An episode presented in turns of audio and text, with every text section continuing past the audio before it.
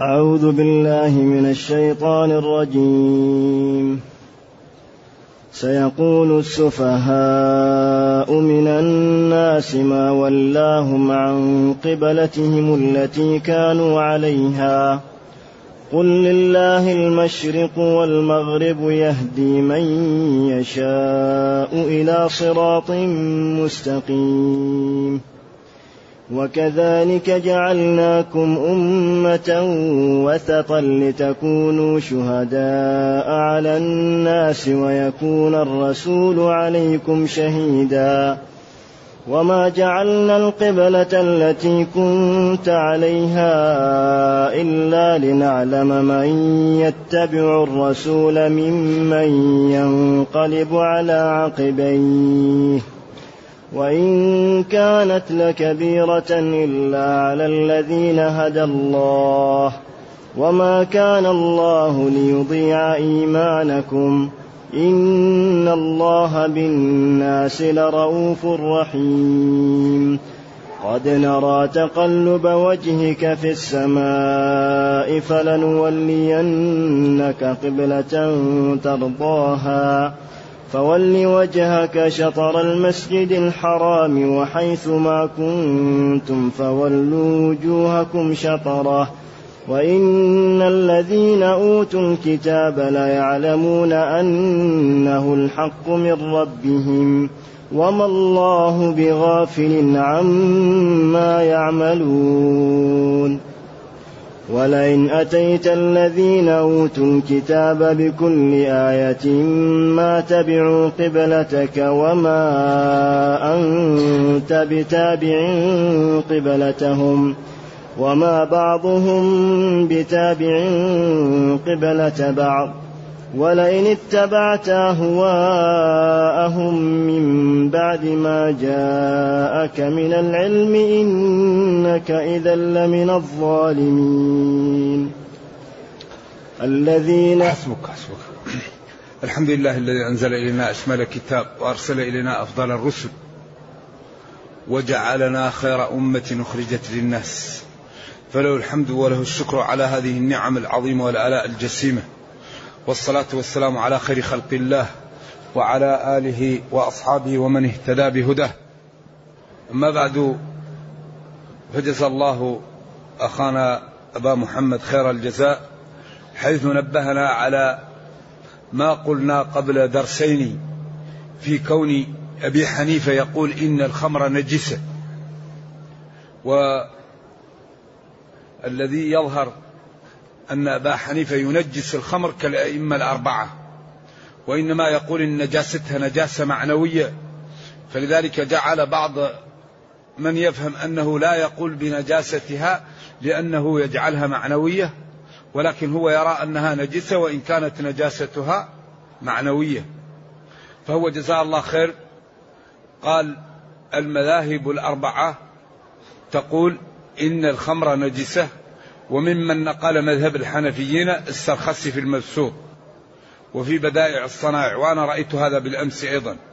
وأما القائلون بطهارتها فقد نقل الإمام القرطبي رحمه الله في تفسيره عن ربيعة الرأي والليث بن سعد والمزني من أصحاب الشافعي رحمهم الله تعالى ونقل عن داود الظاهري. نقل ذلك الإمام النووي في المجموع.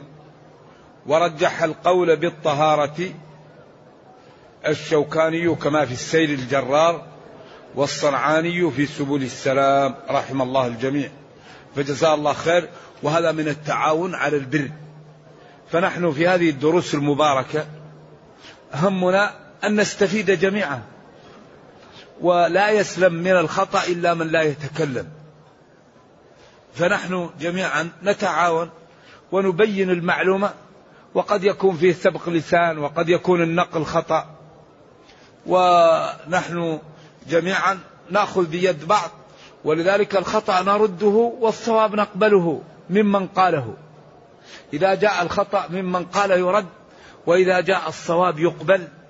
ولذلك لا يكون يعني عند أحدكم مضاضة إذا سمع قولا مرجوحا أن يستشكله حتى نبين الراجح ونبين المرجوح إن شاء الله ونبين الخطأ من الصواب. ونحن نتعاون فجزا الله أخانا خير الجزاء الذي نبهنا على هذا وهذا من فوائد هذه الدروس المباركة. يقول جل وعلا سيقول السفهاء من الناس ما ولاهم عن قبلتهم التي كانوا عليها سيقول. يقول فعل مضارع. لكن الفعل المضارع هذا تأتي قبل حروف تجعل المضارع ماضي. تأتي قبل حروف تجعل المضارع حاضر. تأتي قبل حروف تجعل المضارع مستقبل. والسياق هو اللي يميز. أحيانا يأتي حرف يمحض المضارع إلى المستقبلية. إذا سيقول في المستقبل. وأنتم تعلمون أن الأفعال ثلاثة أنواع. فعل ماضي وفعل مستقبل وفعل حاضر. فالفعل الأمر دائما إيش؟ مستقبل لأنه لا يمكن أن يأتي به إلا بعد تنفيذ الأمر. تقول له قم فالأمر مستقبل. و والمضارع قد يكون حاضرا وقد يكون مستقبلا إذا دخلت عليه الحروف تمايز. والماضي ماضي. لكن العرب هؤلاء ناس يسكنون في الصحراء ويتكلمون كما يحلو لهم. ولذلك كل ما تكلموا كلام لأن كتابنا نزل بلغتهم نحن هذا اللي في الصحراء نقول هو نطق بكذا. إذا هذه لغة لازم إيش نحاول نبرمجها عشان نستفيد منها في الاستنباط وفي سيرنا في, في ديننا. لأن هؤلاء الناس يسكنون في الصحراء والواحد يتكلم كما يحلو له. أحيانا يأتي بسوف وأحيانا يأتي بلم قبل المضارع. وكل ما جاء حرف قبل المضارع أحيانا يمحضه للماضي. لم يكن. ما كان. لأن لم إذا دخلت لم لا تدخل إلا على المضارع وإذا دخلت على المضارع تمحضه للمضي. سو وسوف وس تجعله مستقبل. ما وغيره من حروف المصدرية تجعله للحال. بعضها يكون محتمل ماله. إذا سيقول هذه السين تمحضه ليش؟ للاستقبال. والتعبير بالمضارعة يدل على التجدد والحدوث أنهم يقولون مرة بعد مرة يقول السفهاء هنا ويقولون في الجلسة هنا وهنا يعني أمور تتجدد. إذا التعبير بالمضارع يدل على على التجدد والحدوث التعبير بالاسم يدل على الدوام. ولذلك يعني وهذه أمور مفيدة ودقيقة و و وتمايز الأساليب. إذا في المستقبل يقول السفهاء. السفهاء جمع سفيه والسفيه ضد الرشيد وأصل السفه الطيش والتحرك. الإنسان الذي يكون طائش وغير ثابت سفيه. والسفهاء هؤلاء يحجر عليهم شرعا. ومن أكبر السفه هو الكفر. لأن نحن نحجر على الإنسان الذي يبيع بيع فاسد. ولذلك الله يقول ولا تؤتوا السفهاء أموالهم. أموالكم هنا أموالهم. لأن مال المسلم مالك. ولا تقتلوا أنفسكم. لا يقتل بعضكم بعضا. إذا السفهاء يحجر عليهم في ماله ولا يتركون يتصرفون فيه. ومن أكبر السفه أن الإنسان يضيع عمره. الله يعطيه رأس مال وهو العمر فيروح يضيع ولا يشتغل لله. وهذا أكبر سفه لأن رأس المال هو العمر. فإذا لم يصلي ولم يذكر الله ولم يقل لا إله إلا الله وكان العمر طويل مسكين فإذا مات أصبح أكبر خاسر في الدنيا. إذا هذا هو عين السفة. ولذلك الله يقول قل إن الخاسرين الذين خسروا أنفسهم وأهلهم يوم القيامة. لأن كل إنسان له مقعد في الجنة ومقعد في النار. فإذا دخل الجنة قيل له هذا مقعدك في النار. فيزداد غبطة وفرحا وسرورا وإذا دخل جهنم قيل له هذا مقعدك في الجنة فازداد تحسرا وندامة إذا قال قل إن الخاسرين الذين خسروا أنفسهم وأهليهم يوم القيامة. ألا ذلك هو الخسران المبين. وقال في حق المتقين يوم يجمعكم ليوم الجمع ذلك يوم التغابن. فأكبر خسارة وأكبر سفه أن الإنسان يضيع عمره ولا يشتغل لله حتى يموت. إذا الحق هذا هو السفه إذن. من الناس أي من جملة الناس من تأتي لأربعة عشر معنى. أيوة. من هنا يمكن تكون للبيان بيان الجنس. سيقول السفهاء من جملة الناس أو من الناس. ما ولاهم عن قبلتهم التي كانوا عليها. لما لا يرجعوا عن القبلة التي كانوا عليها. وهي بيت المقدس. ويرجعون إلى التولية إلى الكعبة. فرد الله عليهم قل لله المشرق والمغرب. قل للمعبود بحق مربي الكون. الله المشرق. هو الذي أوجد المشرق. وهو الذي أوجد المغرب لا يسأل عما يفعل شرع ذلك وشرع هذا. ومن جملة الحكم في ذلك أن يقول اليهود والمنافقون وأهل الكفر ما ولاهم عن قبلتهم.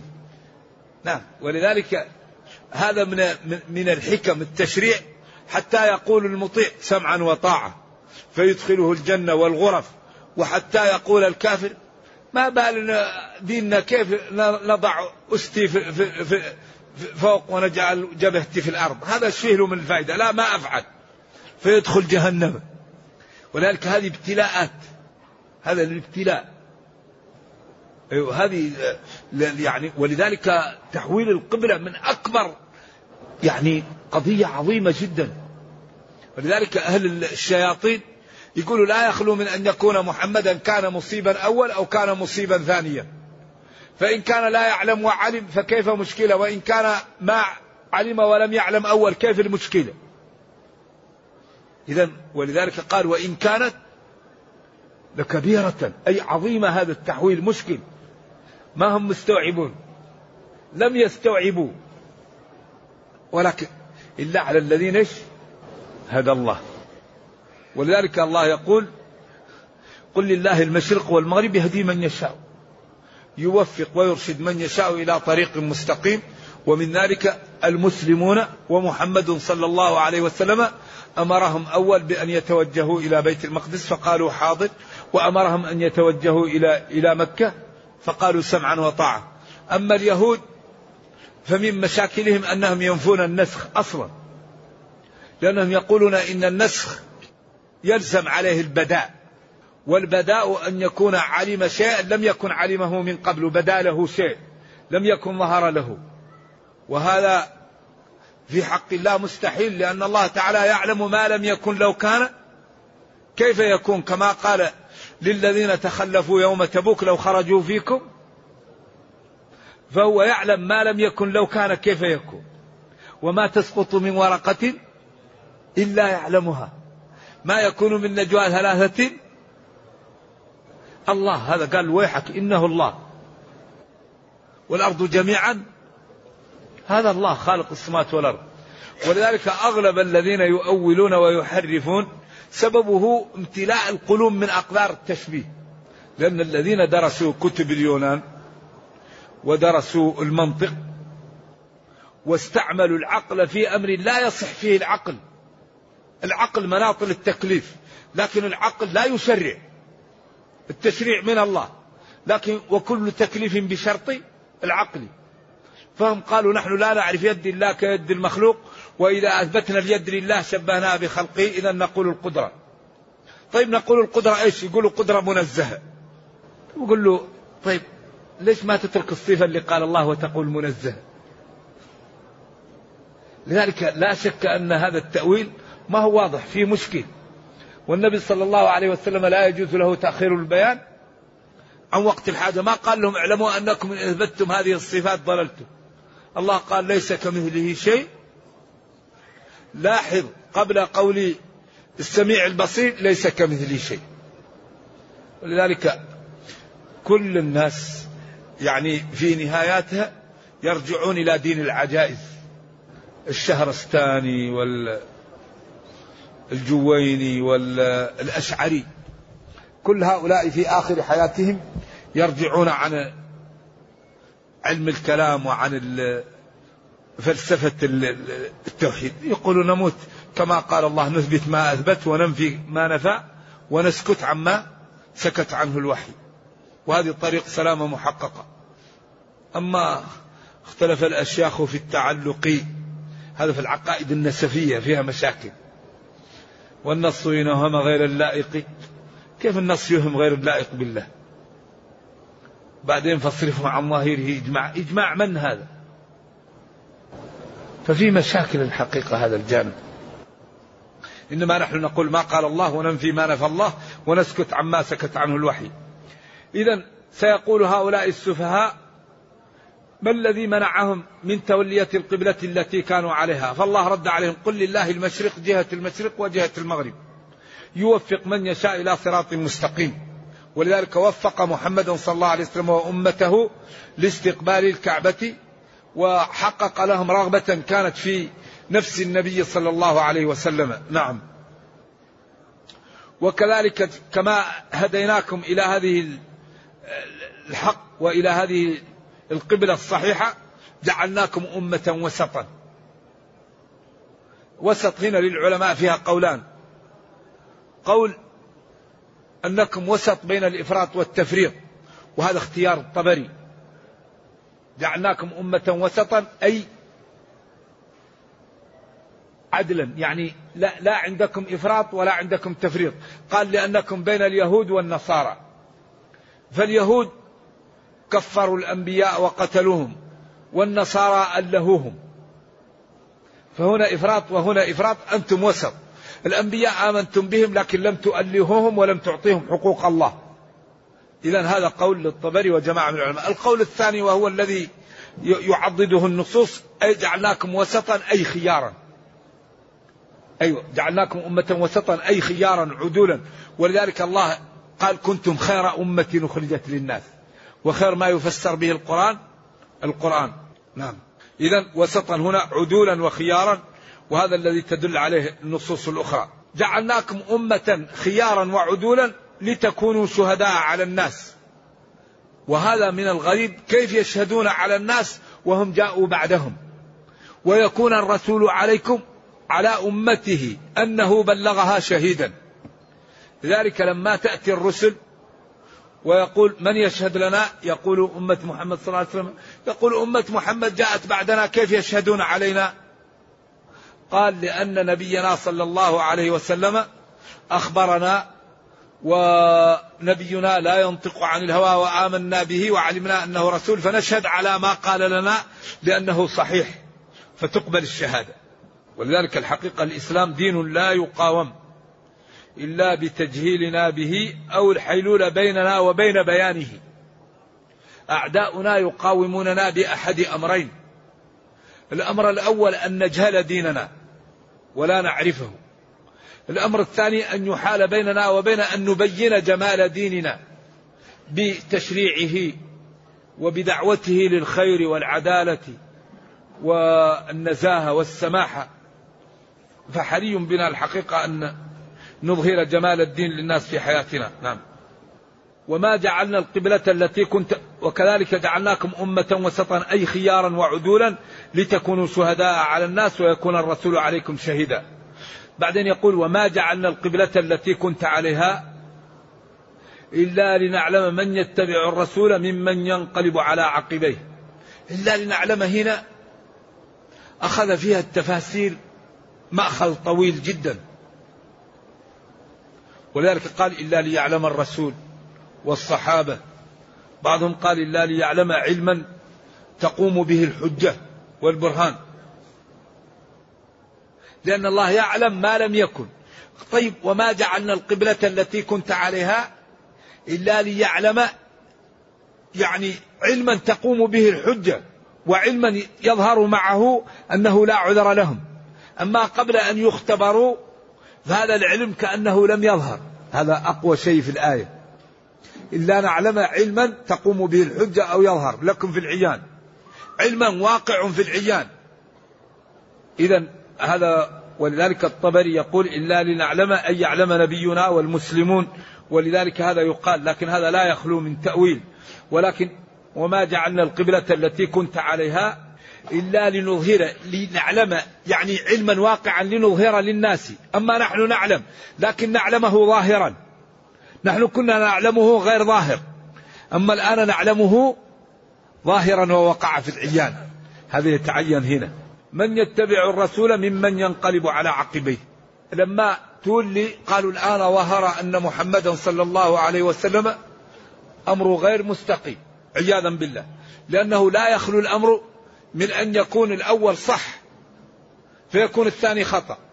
أو يكون الثاني خطأ فيكون الأول صح. إذا كيف هذا؟ كيف يعمل هذا؟ إذا قال الله وإن كانت لكبيرة أي لعظيمة وشديدة على نفوس الذين الذين لم يهديهم الله ولم يستوعبوا ولذلك النسخ في حكم الله بيان انتهاء مدة الزمن. ولذلك لما أرادوا أن يعرفوا النسخ. قالوا رفع لحكم أو بيان الزمن بمحكم الكتاب أو بالسنن.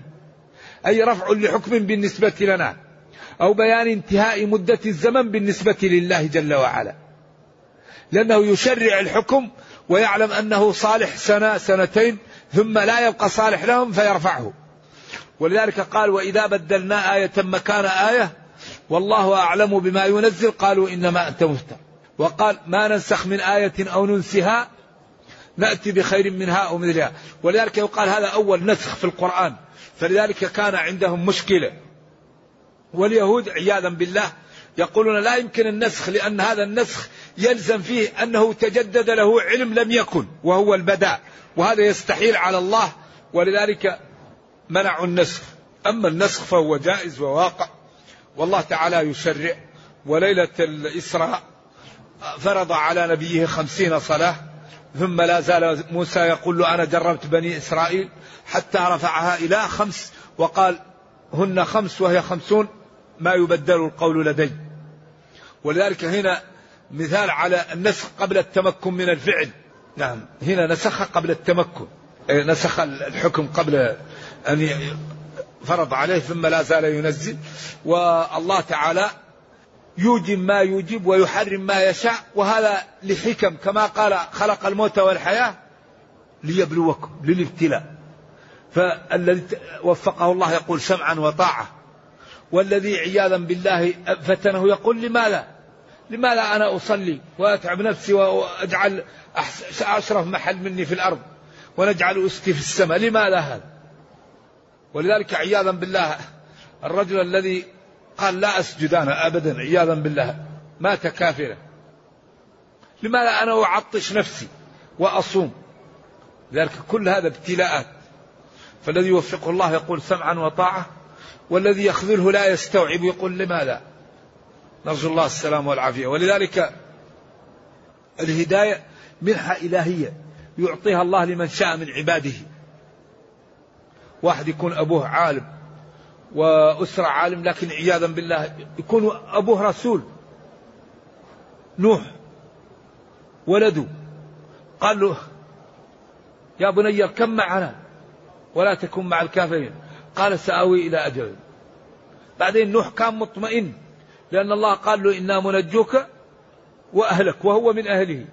فكان مطمئن. فلما انتهى الطوفان واستوت على الجودي وقيل يا أرض ابلعي ماءك ويا سماء واقلعي نوح مطمئن لأن الله لا يخلف الميعاد. قال يا نوح إن ابني من أهلي. يا يا قال نوح يا ربي يا, يا ربي ربي إن ابني من أهلي وإن وعدك الحق وقد أوعدتني بنجاة أهلي. قال له يا نوح إنه ليس من أهلك. أي الموعود بنجاتهم.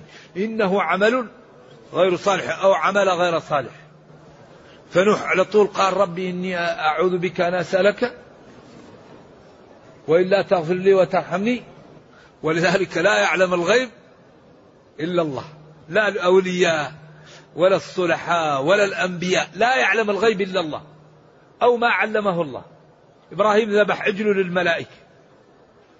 وجاء بعجل وشواه وجاءهم به. فلما لم يأكلوا أوجس في نفسه قالوا إنا أرسلنا إلى قوم لوط. ولوط لما جاءوا قال لهم بناتي عيب هذا ضيوفي رجال. حتى قال له جبريل يا لوط إنا رسل ربك. ما كان يعرف.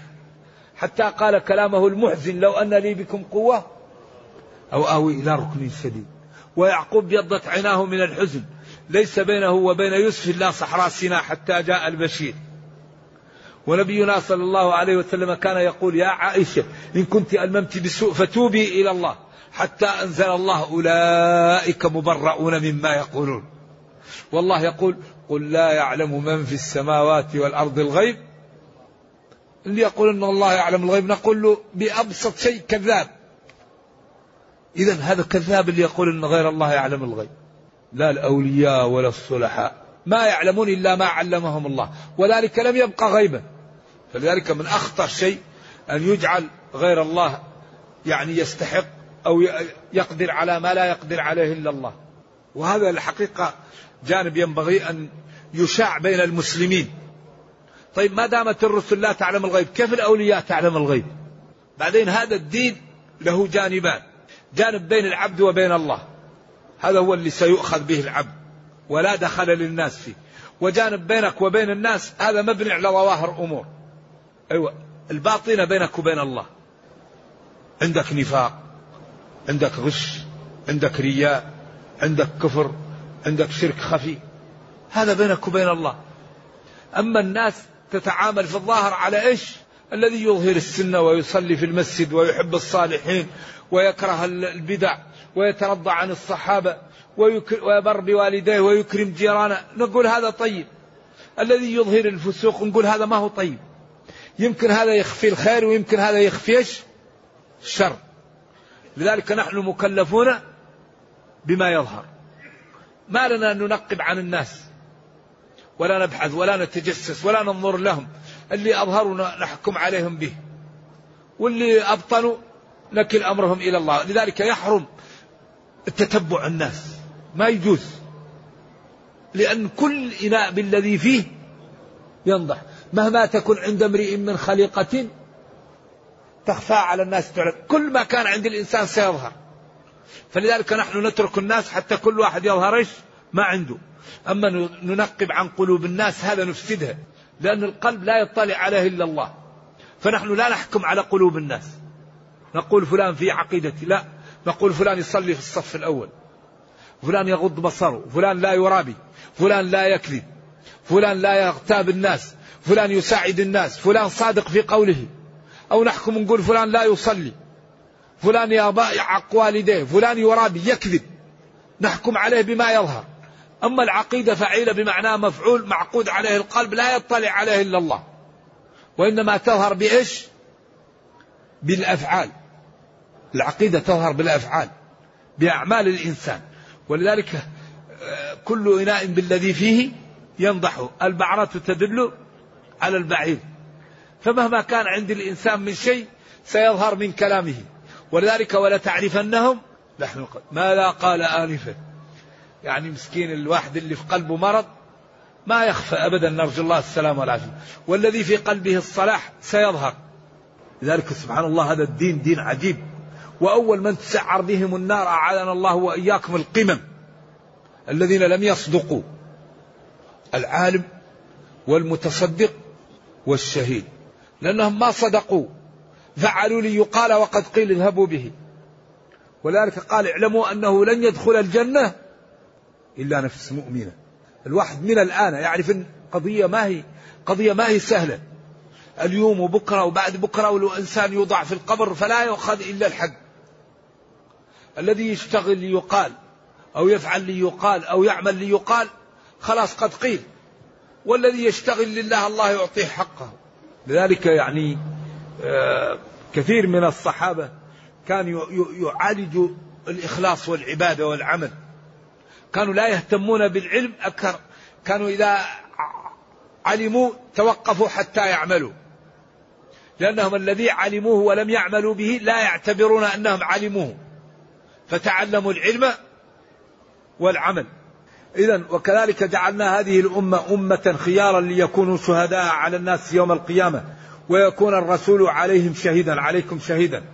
ثم بين قال وما جعلنا القبلة التي كنت عليها. هذه القبلة وهي تولية بيت المقدس على أصح الأقوال إلا ليظهر في ذلك من يتبع الرسول ممن ينقلب على عقبيه.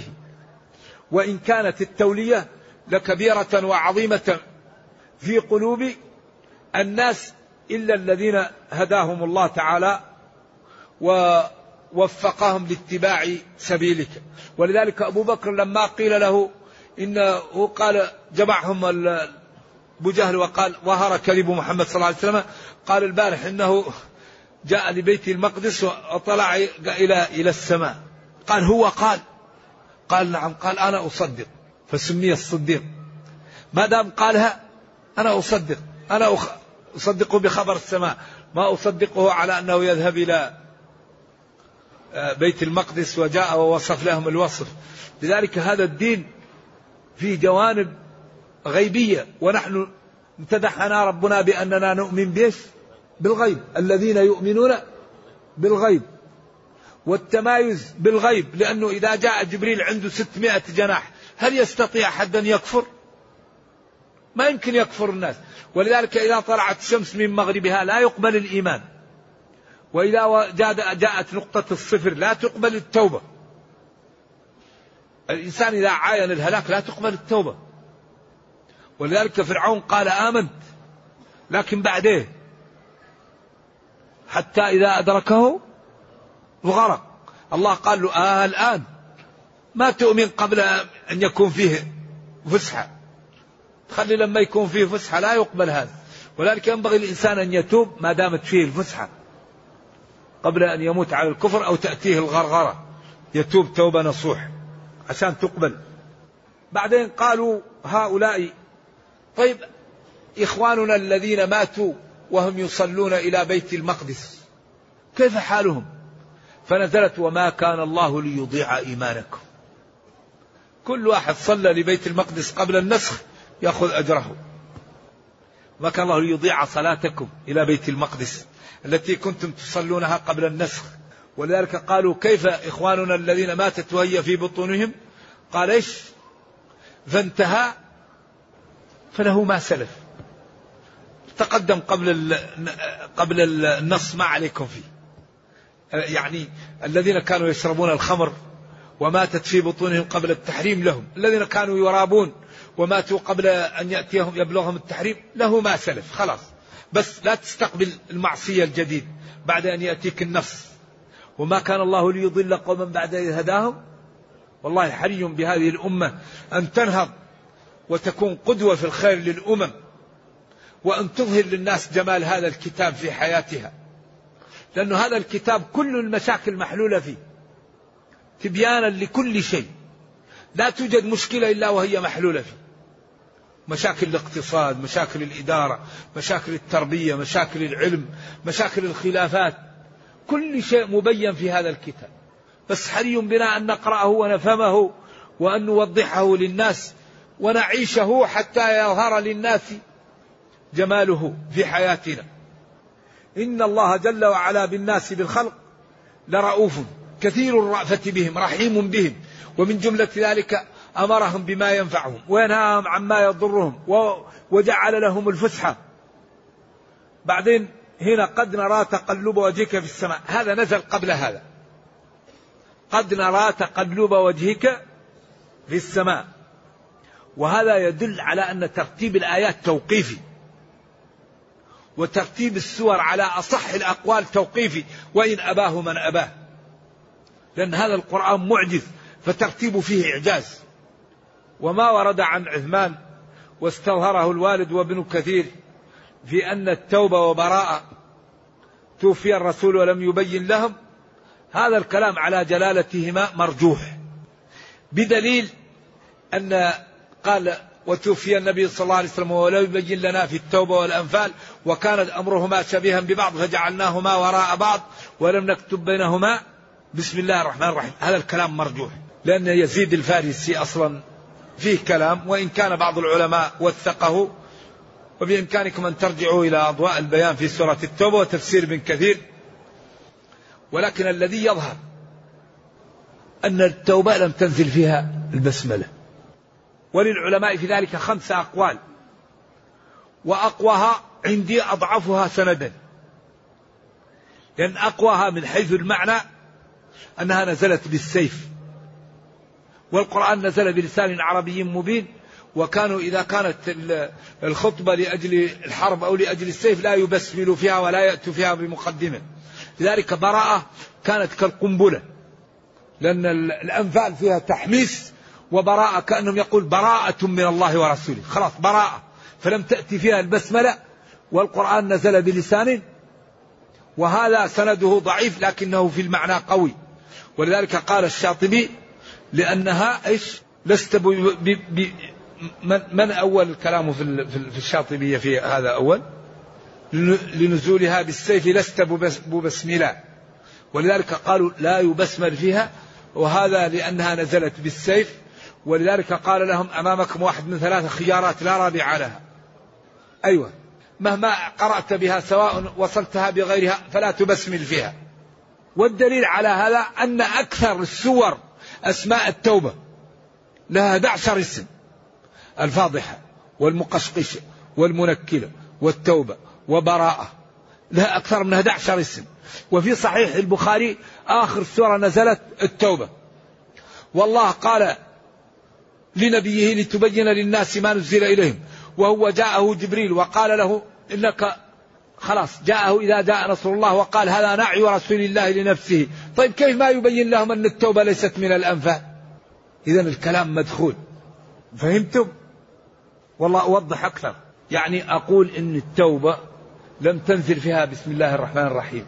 وما قاله بعض المحققين من أنه توفي النبي صلى الله عليه وسلم ولم يبين لهم هذا الكلام مرجوح. أولا بدليل أنه هو مأمور بالبيان. وجبريل جاء وقال له أنت منتقل للرفيق الأعلى. ثاني شيء أن التوبة لها 11 اسم. ثالث شيء أن في البخاري آخر سورة نزلت التوبة. واضح؟ ومن أراد الاستزادة فليرجع إلى الراجع. هذا الذي توصلت إليه. إذا ترتيب السور توقيفي. وترتيب الآيات في السور توقيفي. وكل ما حول القرآن هذا أمر لا يخلو من إعجاز. فأراد الله جل وعلا أن يكون القرآن متميزا في أسلوبه وفي معانيه وفي رسمه. الرسم هذا. ألا ملجأ أنه لا ملجأ ألا ملجأ أخرى متصلة. سأريكم زيادة واو. إن يكن منكم مئة زيادة ألف وعادا وثمود زيادة ألف. يعني ليش تزاد هذه الألف؟ الصلاة زيادة واو. فلذلك أراد الله أن يكون هذا القرآن متميزا بكتابته وبرسمه وبمعانيه وبأسلوبه فهو متميز ومعجز بكل ما تتحمله هذه الكلمة. ولذلك هذا القرآن أمره عجيب.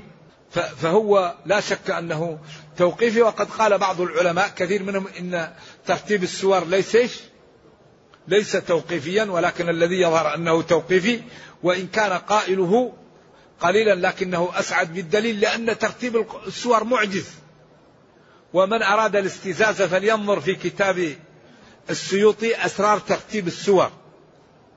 له رسالة جيدة تبين الأسرار في ترتيب السور وكذلك ينظر في كتاب البقاعي نظم الدرر تفسير البقاعي فله أيضا كلام جيد. وهذه وجهة نظر على كل حال. أي أيوة وإن كانت التحويل لكبيرة عظيمة إلا على الذين هدى الله وما كان الله ليضيع إيمانكم وهي صلاتكم إلى بيت المقدس قبل نسخها. إن الله جل وعلا بالناس بخلقه لكثير الرأفة ورحيم بهم.